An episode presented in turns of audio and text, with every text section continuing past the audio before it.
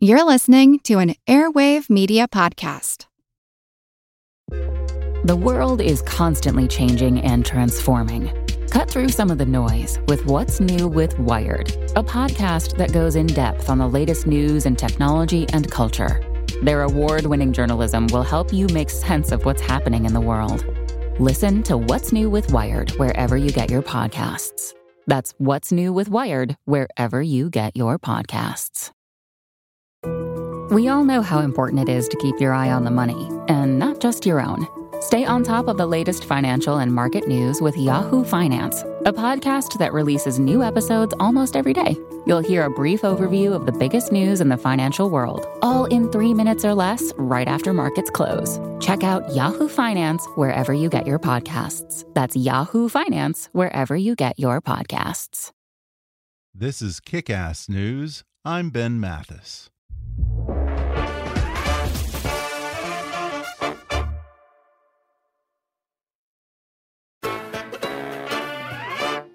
Hi, I'm Ben Mathis. Welcome to Kick Ass News.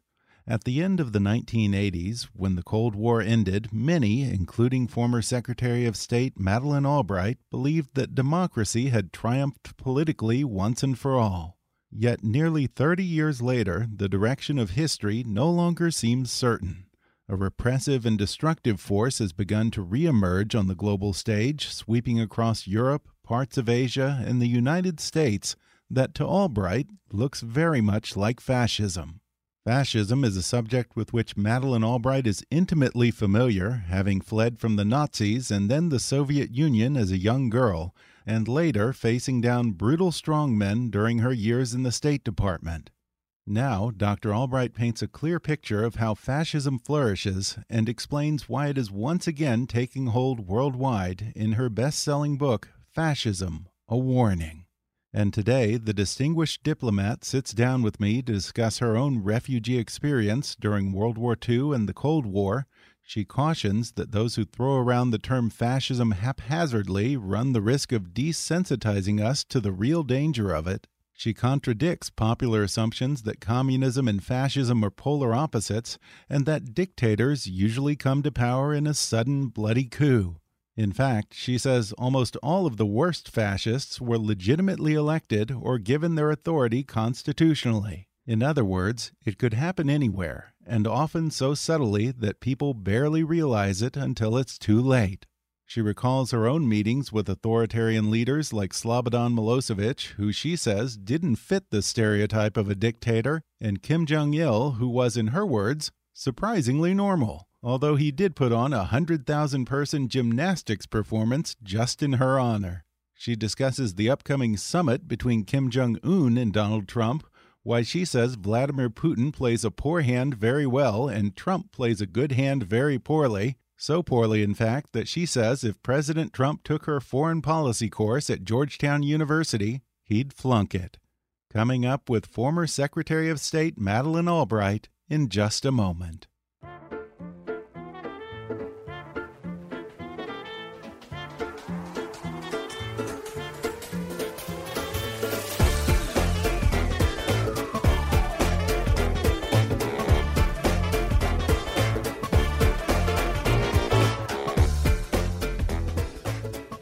Madeleine Albright served as the 64th U.S. Secretary of State from 1997 to 2001, at the time the highest ranking woman in the history of the U.S. government. Prior to that, Dr. Albright served as the U.S. Permanent Representative to the United Nations and on the National Security Council under President Jimmy Carter. In 2012, she received the Presidential Medal of Freedom from President Obama, and these days she serves as chair of the Albright Stonebridge Group, a global strategy firm, and as a professor of international relations at Georgetown University's School of Foreign Service. She's also the author of six best selling books, including her latest, which reached number one on the New York Times bestseller list. It's titled Fascism A Warning. Dr. Albright, welcome to the podcast. Great to be with you. Thank you. You put it to your students at Georgetown University to come up with a proper definition of fascism. What did they conclude? And did you reach some kind of uh, agreement on what is truly fascism? Well, we began to really put it together in a way that I think has surfaced in the book. By the way, it was very interesting to talk to them because for them, um, it really wasn't just history. Because there are all of a sudden, as I write in the book, all kinds of things that are going on now um, in Europe and in uh, Philippines and Venezuela that um, have some of the characteristics. And so we came up uh, with um, kind of a list, which was that if you um, forget what the role of the press is, uh, that uh, you need a free press in a democracy.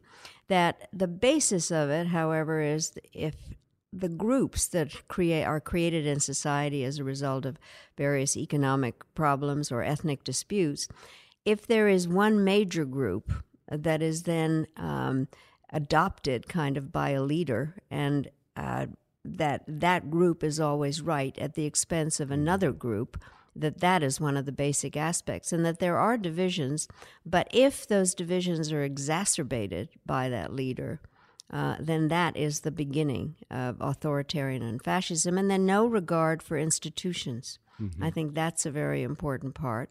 Um, and then ultimately we began to talk about violence uh, and one of the characteristics is a leader who uses violence to keep either get or keep control and I was interested when you said that even communism can be a form of fascism, because in the popular imagination, it seems that people usually think of fascism and communism as being polar opposites. No, and I, I've decided that they really are similar in ways of the only difference is communism actually does have um, an ideology behind mm-hmm. it, even though right. sometimes they move away from Karl Marx. But but I think the similarities in terms of the control aspect of things and um, the threat of violence all the time and propaganda, the use of propaganda.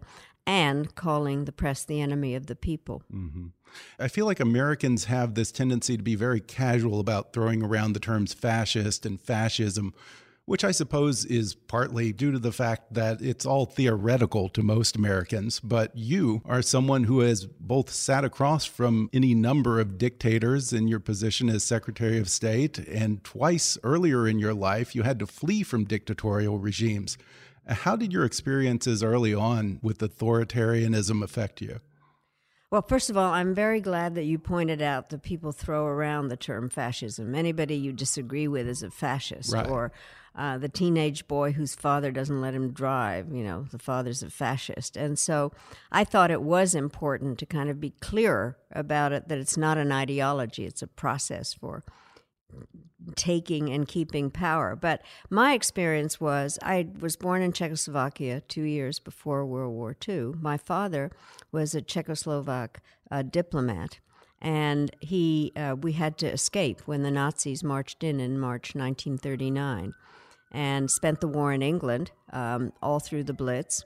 And then after the um, the war was over, we went back to Czechoslovakia. Then my father was made ambassador to Yugoslavia, and then there was a communist coup in 1948, and so we had to leave again. And I have uh, obviously wondered how these things happened in the first place. Why would fascism and communism, which, by the way, I also think is a fascist kind of regime, um, uh, how did they come about? Why did this happen? And so I decided that it was worth exploring uh, the the genesis of it in so many ways. Um, and by the way, I was going to write this book no matter who had gotten elected because I really was beginning to see things in American society that troubled me in terms of divisions, some based on technology, some on economic inequality. And so I wanted to examine how a country um, kind of gets uh, to be a victim of uh, authoritarian regimes. And yet, the election of 2016 certainly hasn't hurt your book sales. um, no. You mentioned at the outset that Americans tend to use this term fascist very liberally and often irresponsibly. I don't think that it's a good thing that any modern president has to just accept that there'll be a certain minority of the country that's immediately going to compare them to Hitler when we immediately jump to the most extreme example of fascism to describe anyone we don't like, do you think it desensitizes us and maybe overlooks all of the many shades of authoritarianism that can happen before you get to the worst case scenario? I think that's an excellent point because the minute that you use the word Hitler, it kind of makes everybody think, well, no, it's not like that. And then you don't think Right. about the other parts. One of the reasons that I did the book the way I did, it has history in it. And it begins with Mussolini. Mussolini was the original fascist. And what is interesting is how he came to power and or why. And some of it has to do with the fact that Italy had been uh, on the side of the Allies during World War One, but then did not feel appreciated or recompensed in any way. He was somebody that was a very smart outsider, and interestingly enough, he first did align himself more with the left. But he tried to figure out how to keep people mobilized and very good speaker and able to uh, develop this whole aspect of blaming somebody else for what was going on. The best quote in the book actually comes from Mussolini, which is If you pluck a chicken one feather at a time, nobody notices. And so, one of the aspects of it is I keep looking to see how many feathers have been plucked um, and the slowness of the process. But he's the one that really developed this aspect. And the part that I think is also interesting that people need to note that both he and even Hitler came to power constitutionally. Yeah. Uh, And then the, the other things that I, the ones that are going on now, everybody was elected. I, Yeah. which I don't think people realize. Only the communists actually had a revolution. Yeah, I mean, it totally goes against this idea that they usually come in by some kind of bloody coup. Right.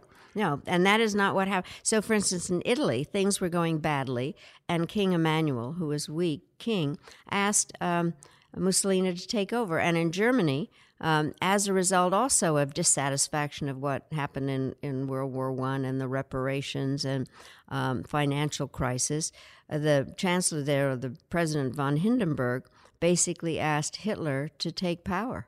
Uh, so it, it's very interesting that we have uh, a real misunderstanding of some of it, and also the, the chicken plucking, the feather plucking aspect of it, and, and the slowness. Yeah, one of the things that stands out in this book is that rarely does it happen overnight. Like I said, in a bloody coup or any other very quick fashion, it happens over the course of years usually, and people barely even notice it until it's too late. Um, do you worry that here in the U.S. or certain countries in Europe that they might be in those early stages and just not noticing it really? Well, that is what I worry about. And some people think my book is alarmist. It's supposed to be. Um, and it is trying to point out what the various phases are, what really happens.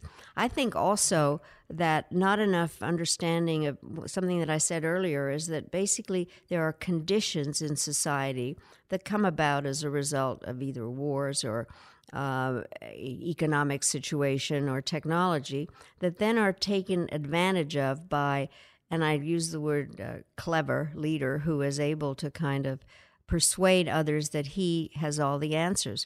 By the way, I have another great quote from Mussolini. He once said to a reporter, Often I would like to be wrong, but so far it has never happened. um, and so there's Sounds this. familiar. Mhm, uh, but I, I really do think that it's somebody that comes on the scene that says, I can fix this. Or one, for instance, that I find interesting is Turkey.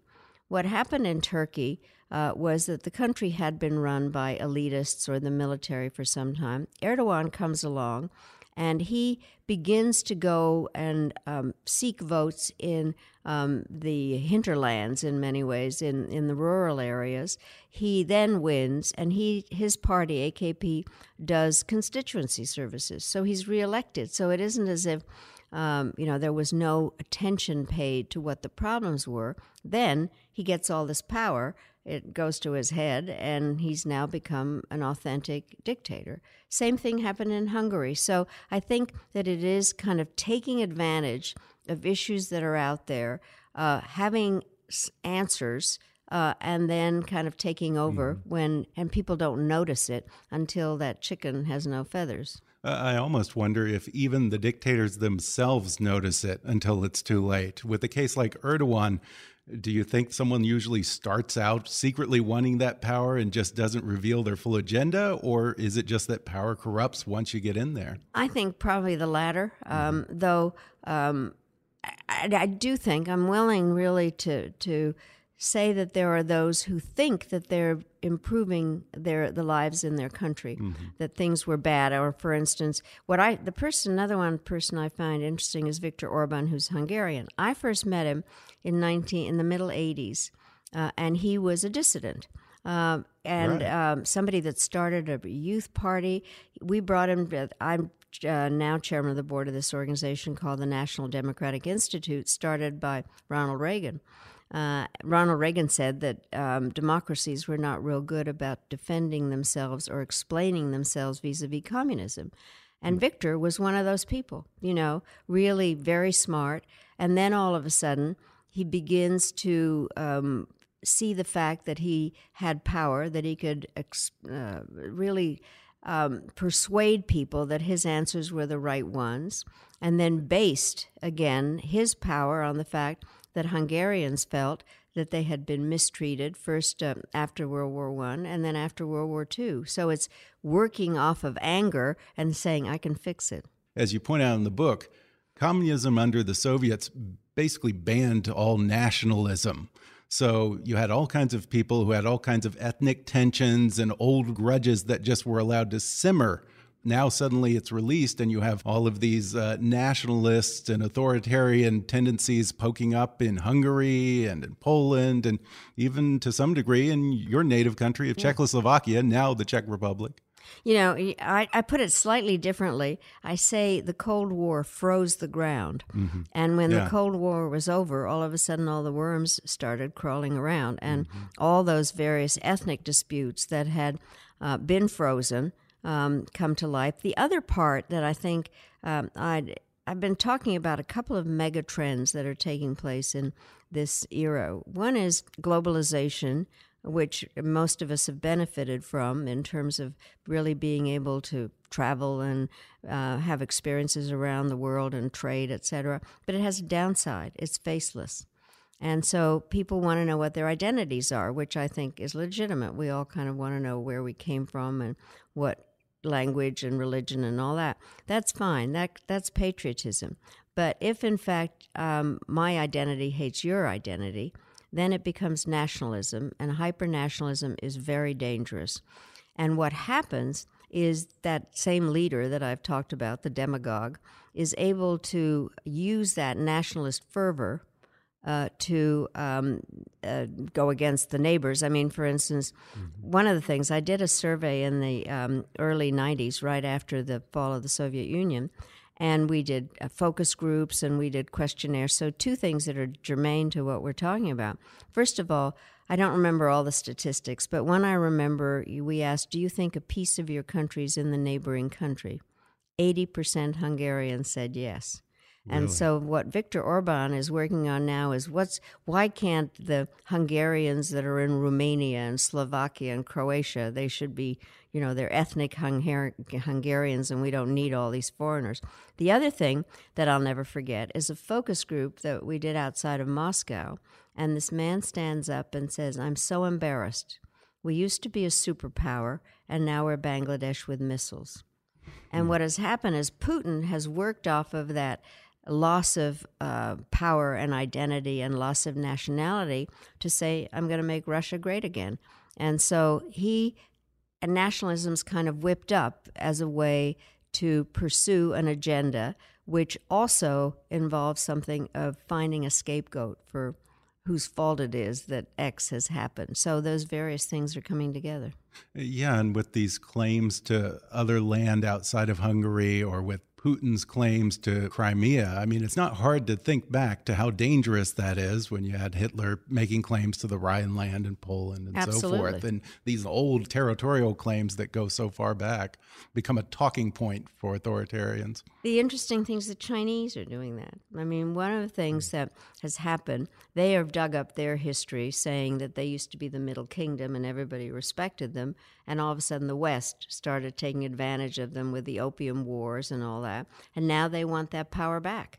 And Xi Jinping, um, a communist, has basically roused nationalism and saying we need those islands or those rocks or um, what is it that uh, how do we get back to being respected as the Middle Kingdom? We're going to take a quick break and then I'll be back with more with Dr. Madeleine Albright when we come back in just a minute.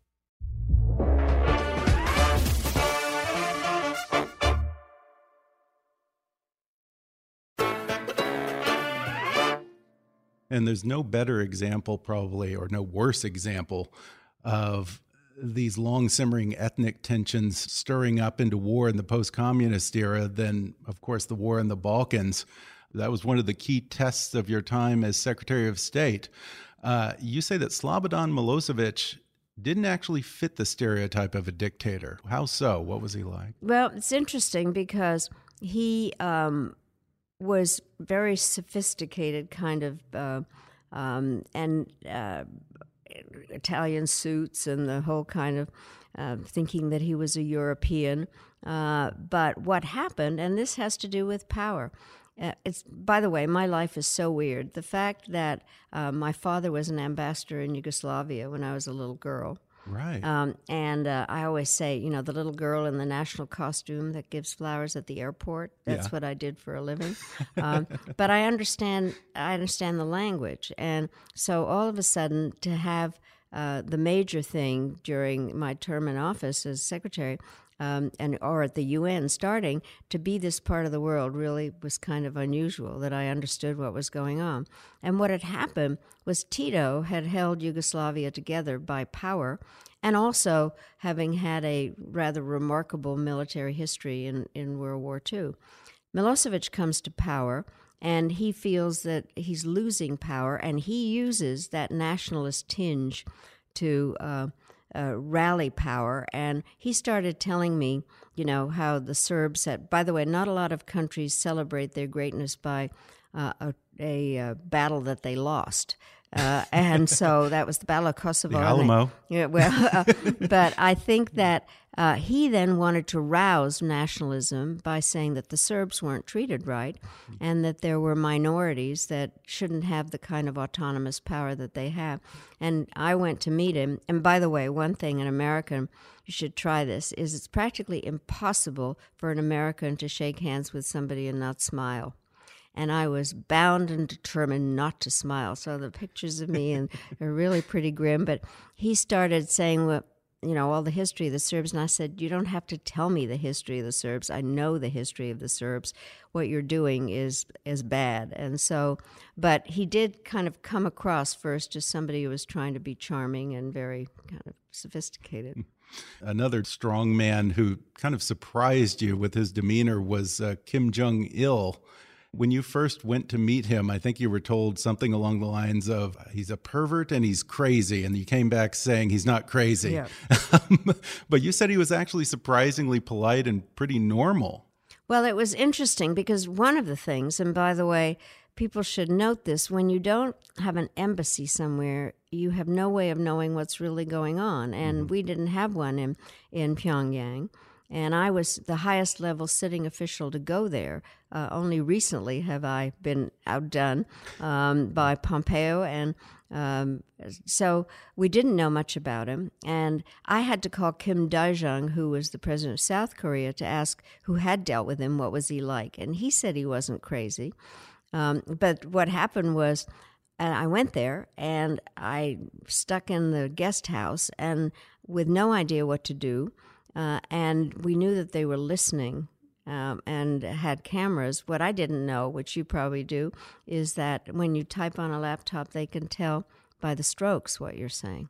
So we had to sit there. And finally, I got a message saying that I had to go and see his embalmed father. So I go to the mausoleum, and those kind of protocol things are more complicated than meets the eye. Because if you bow too low, uh, then the press that's with you, the American press, will say she was obsequious. Um, and if you don't bow low enough, then you don't accomplish what you're supposed to. So I must have had the right angle because I go back to the guest house and they say the dear leader will see you. So we were having a press conference, which was like something out of the 50s with uh, old cameras. And then I'm standing next to him and I see we're the same height. And I know I had on high heels, and I look over, and so did he. Um, and his hair was poofier than mine. But when we met, he really was very um, knowledgeable about the, the technical issues we were talking about. And then the part that was, we had a really fancy dinner that he gave. And by the way, having, when we f- were flying into Pyongyang, I was watching a documentary about how people were starving and eating bark off the trees. And then we get to this dinner with fancy French wine and all that. And uh, he was very polite and uh, uh, didn't make me kind of go from table to table, clinking glasses and getting drunk along the way. Um, but um, very hard to understand as a person in many ways. He then, at one point, said to me, So, what do you think? He said, I really like the Swedish model. And I thought, Model, model. It was really the economic model when Oh, we okay. got to, to the. But, um, and then the thing, he was asking me through his interpreter how his interpreter compared with Kim Dae Jung's, the South Korean. And I thought, oh my God, I'm going to have this poor man killed. So I said what was true, which was that. Uh, Kim Dae Jung had the best woman interpreter that I'd ever heard, but your interpreter is really good too. So, but anyway, what um, it was interesting. Oh, by the way, I, I've said this now that I am totally responsible for Dennis Rodman. Oh, that's right. The basketball. Right, because the one thing we did know was that Kim Jong il liked basketball. And so I took over a basketball autograph by Michael Jordan, and it's in their Holy of Holies. So they, you know, must have some kind of feeling that it has magical power. And I understand that uh, Kim Jong Il also treated you to one of these famously epic performances, a, a cast of thousands, or I think a hundred thousand. something like Oh. Unbelievable. that, and I have it? to tell you the contrast because um, Pyongyang was basically dark. They didn't have electric power and all kind. So we walk into this. Uh, well, the thing that was happening, we were at our original meeting, and he said, "I have a surprise for you tonight." And I thought, "Hmm, wonder what." Anyway, he said, "We're going to redo the ceremony that we had to celebrate." the 50th anniversary of their party. And so they redid this thing. We walk into the stadium, and there are so many. I hate pe- uh, applause that's, you know, all uh, everybody the same.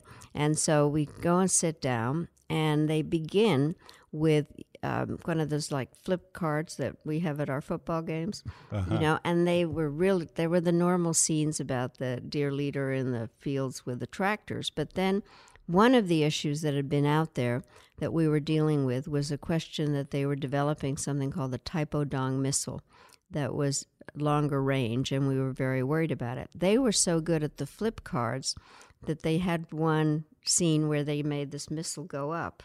Um, and he turns to me and he says, That's the last one.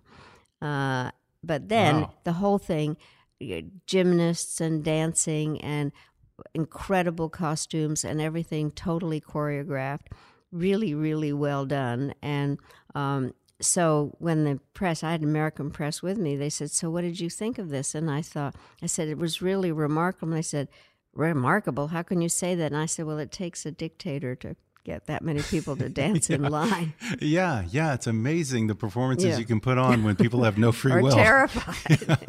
but it really was incredible. And the contrast, frankly, of the bareness of everything else and then the amount of money Yeah. and stuff that they spent on things like that. Toward the end of President Clinton's time in office, you had reached the framework of an agreement with North Korea, but the president thought it better to focus on Middle East peace. Has he ever expressed regrets about that choice since then? He has. And by the way, let me just say um, priorities are always very hard in an administration that wants to accomplish something. And President Clinton had spent the most incredible amount of time on the Middle East peace process. We had spent time at Camp David. There had been things after Camp David was in the summer of 2000, um, and then a lot of time afterwards. And there really was a thought that there could be a breakthrough there. Um, there, uh, it was unclear what might happen in North Korea. Uh, and he chose to go to the Middle East. And we've talked about it. He does say that he regrets it, but it's uh, very hard at the time to know. The thing that happened that is interesting we were in the middle of talks. We had begun issues specifically on missile limits. That was the, the issue. And by the way, Kim Jong il had said to me that it was he would not mind if American forces stayed in South Korea. Uh, um, really? So what happened was uh, the uh, these lower level talks began in Kuala Lumpur. We were prepared to go back and keep talking, and then I'm sure you remember the election of 2000. Um, and uh, so all of a sudden, uh, uh President Bush was declared the winner. And I went back and I briefed Colin Powell about what we were doing. He was very interested in what was going on. Then really? there was a headline in the Washington Post saying Powell to continue Clinton policies in North Korea. He got hauled over to the White House and told no way. Now, I hold no brief for wow. the North Koreans but we are the ones that broke that off. Uh, I also was able to have signed an agreement with the number two guy on uh, which we called no hostile intent, trying to figure out, and that also was then kind of uh, taken out of action. So we've made mistakes; they clearly have, and I think we have been at a very dangerous point with them. President Trump is supposed to meet with Kim Jong un later in the month. Uh, at some point, you said that you suspected that the new Kim would probably receive a lot of rebellion from his military if he ever actually tried to strike a deal with the U.S. Why hasn't that happened so far? Is it just that his military isn't taking this two page letter between him and Trump seriously, or what? Well, first of all, by the way, the only real fascist that I uh, name in the book is Kim Jong un because uh, he keeps the, his country under control as a result of violence. People have been executed that have disagreed with him. Um, he has removed a lot of people. He has people um, in labor camps starving, and so he really has a lot under control. I think that uh, we don't, this is the problem, we don't know what is really happening. Uh, and part of it is the first uh, summit uh, and now President Trump has announced that there is going to be a second one in Vietnam um, in the, uh, towards the end of the month. The Singapore summit, I have been asked whether it was a win-win or a Kim win, um, and I've said it was a Kim win because uh, President Trump basically didn't get anything uh, for the fact that he um, has uh, he stopped the exercises that we military exercise that we have with the South Koreans and the Japanese, um, and I think that um, we don't. What is interesting is that we don't really know what the North Koreans have, and I don't. The military uh, have clearly uh, been, uh, I would say, kind of uh, uh, accommodated by things that they need and that they want. Uh, and and I think that they at the moment seem to be uh, supporting what Kim Jong Un wants. The question is whether demilitarization, denuclearization, is something that will come, and then what will they do? Uh, but I do think he seems to have control over his own um, the the small group that is around him. But the main problem truly is that we don't know everything, and all of a sudden there's some article, and there was a couple of weeks ago about discovering a new place where they were hiding things that. Um, they had not declared. And so the issue is what will happen in the next summit, where I think Trump has to get some kind of way that we can um, find out what they really have. And what Ronald Reagan said is so true trust but verify. Mm-hmm. And we mm-hmm. have to have some capability of doing that. You also met with Vladimir Putin, another strong man of our era. Um, you've said that he has played a very weak hand well, and Trump has played a very strong hand poorly. What do you suppose is behind that second part? Is it just incompetence? Does Trump have bad advisors, or do you think there's something more sinister at play? I, I honestly don't know the the the whether something more sinister, but I can tell you, I as you pointed out, I teach, and Uh, I teach about, um, I said, I made up a course. I say foreign policy is just trying to get some country to do what you want. So, what are the tools? So, my course is called the National Security Toolbox. And the tools are always the same, and we don't have a lot of them. I mean, diplomacy, bilateral and multilateral, then the economic tools, trade and aid and sanctions, force or the threat of the use of force, uh, intelligence and law enforcement. That's it. And in order to figure out how to deploy the tools, you actually need some kind of an organized decision making process. We're not a new country. Uh, we have been making decisions for a long time. And from everything that I can glean, there is no real process. A lot, a lot of the national security advisor, now John Bolton, there was preceded uh, by two others and um, the chief of staff, and it's very hard to tell how decisions are made. So I think some of it has to do with that. Then I also think one of the more stunning things last week was um, uh, Trump disagrees with his intelligence chiefs and then says that the press made up that they disagreed when everything was on television. So I don't know how stupid he thinks we are, but but the bottom line is I think that it is mostly uh, not being able to master the process. And I've been around presidents, and it takes a lot of work, and so I'm worried about that. I do think, however, that. Uh, and he and Trump may not realize this, but a lot of the things he's doing are gifts to Putin, and so kind of um, deciding that we wouldn't have much to do in the Middle East anymore. The Russians have reasserted themselves there, um, saying the things he does about NATO uh, is a gift to Putin, um, and not paying enough attention generally to what is happening among our friends and allies. So that's what worries yeah. me. Yeah, I think somewhere along the way you said that if Trump had been in your foreign policy course, you would have failed him. I definitely would have. What, what's the most important diplomatic lesson you'd like to teach him?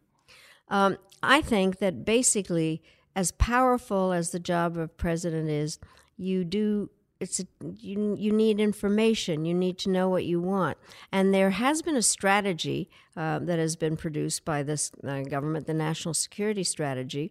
Either he agrees with it or disagrees with it, but um, all of a sudden, statements that are made um, would indicate that he hasn't studied. I mean, I actually ask right. my students to read um, and to to study, to turn their things in on time um, to consider what technology really does, and and this is the most important thing to dis- to know what are the unintended consequences of your decisions, and you have to push yourself in order to listen to people that disagree with you, that can in fact tell you what the unintended consequences are. So when I have my students write their papers, I say, what are the watch out fors? What are the contingency plans? And what is wrong with the argument that you're making?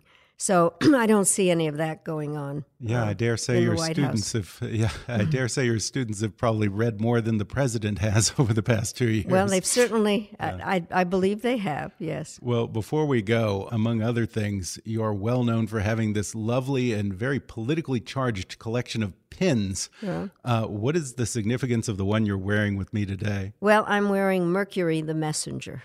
Uh, and ah. I'm wearing it during my book tour because I really yeah. am trying to deliver a message. And uh, I have to say this um, I am a naturalized citizen. And we came here when I was 11 years old, and I was always the perfect daughter and listened to everything my father said. And my father said there is nothing better than being a professor in a free country. But what he also said that he was worried that Americans took democracy for granted and having in fact lost it twice in his lifetime, uh, he was very serious about that. And we learned all we ever did was talk about foreign policy. But I feel the following thing, which is, and these are paradoxical words, that democracy is both resilient and fragile. And I think that it's worth giving a message. So, Mercury. Just out of curiosity, what pin would you wear if you met with Donald Trump? Um, a duck. Sitting duck? I have a several duck pins, but I haven't Uh-huh. really. What is the significance of that? Donald Duck. Oh, quack, okay. Quack. of course. Okay. Okay. It was more obvious than I realized. well, it's such a pleasure. And the book is just brilliant. It's called Fascism A Warning. Dr. Madeleine Albright, thanks so much for sitting down with me. Well, thank you. It's been a pleasure answering your questions. Thanks again to Madeleine Albright for coming on the podcast. You can order Dr. Albright's book, Fascism A Warning, on Amazon, Audible, or wherever books are sold. Follow her on Twitter at, at Madeleine. If you haven't already, be sure to subscribe to Kickass News on iTunes and leave us a review. You can follow us on Facebook or on Twitter at, at KickassNewsPod. And as always, I welcome your comments, questions, and ideas at comments at kickassnews.com. I'm Ben Mathis, and thanks for listening to Kick Ass News.